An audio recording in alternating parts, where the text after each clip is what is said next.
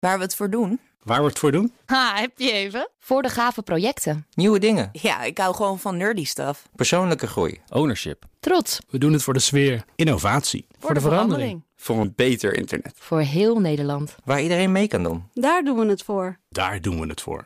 Waar doe jij het voor? Kom werken voor KPN en groei op jouw manier. Check de actuele vacatures op het gebied van data, security, development en networking op jobs.kpn.com/tech. Wetenschap vandaag. Lange tijd werd gedacht dat wij, of liever gezegd uh, onze hersenen, niet in staat zijn om bewegende geluiden te kunnen volgen. Oh. Ja, maar uh, het tegendeel blijkt nu te zijn bewezen. Carlijn Meijners legt eerst even uit wat we nou eigenlijk bedoelen met bewegende geluiden. Eigenlijk telt alles uh, wat we kunnen horen en dat zich kan verplaatsen als een bewegend geluid. Oké, okay, dus ik noem even wat. Kijk even naar buiten. Auto's? Ja, heel goed. Een auto bijvoorbeeld, of een rijdende trein, vliegtuig, een vogel of uh, een pratend iemand die zich verplaatst, bijvoorbeeld. Kan allemaal. Nou is er vrij veel onderzoek gedaan naar het volgen van bewegende beelden met onze ogen. Uh, maar niet zoveel naar het volgen van bewegende geluiden met onze oren. Uh, er is gek genoeg dan wel weer onderzoek gedaan naar het volgen van bewegende geluiden met onze ogen. Heerlijk dit. En dat bleken we helemaal niet goed te kunnen. Ook uit andere onderzoeken zou blijken dat het volgen van een geluid voor onze hersenen niet mogelijk zou zijn. Maar daar nam hersenonderzoeker Mark van Wanrooy van de Radboud Universiteit natuurlijk geen genoegen mee. Tijd voor een nieuw experiment. Precies. Wat wij dus hebben gedaan is, uh, we hebben geprobeerd om mensen geluiden te laten volgen met behulp van hun hoofd. Door eigenlijk hun oren te laten bewegen in de richting van de geluiden. Dat hebben we dus gedaan door proefpersonen in een donkere kamer te zetten.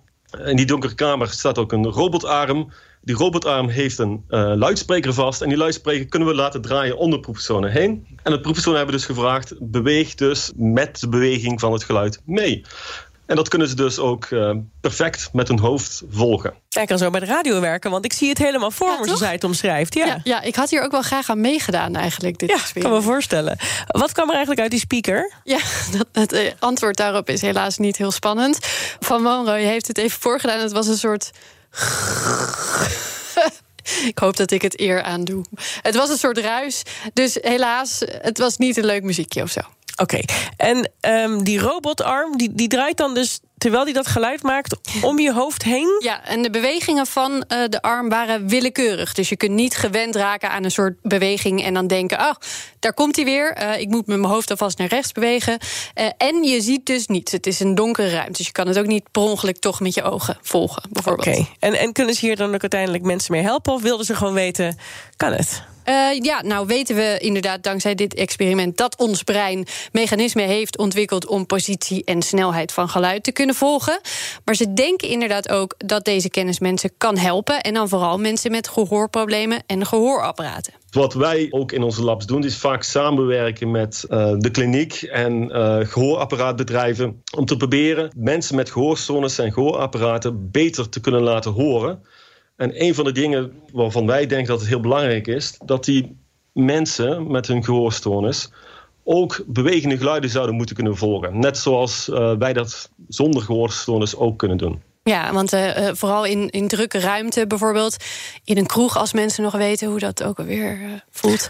Um, daar, daar hebben wij al moeite met het bepalen waar iemand tegen in je oor staat te schreeuwen. Maar mensen met gehoorproblemen hebben daar natuurlijk nog veel meer last van. En die hebben daar ook eerder last van, met minder omgevingslawaai al.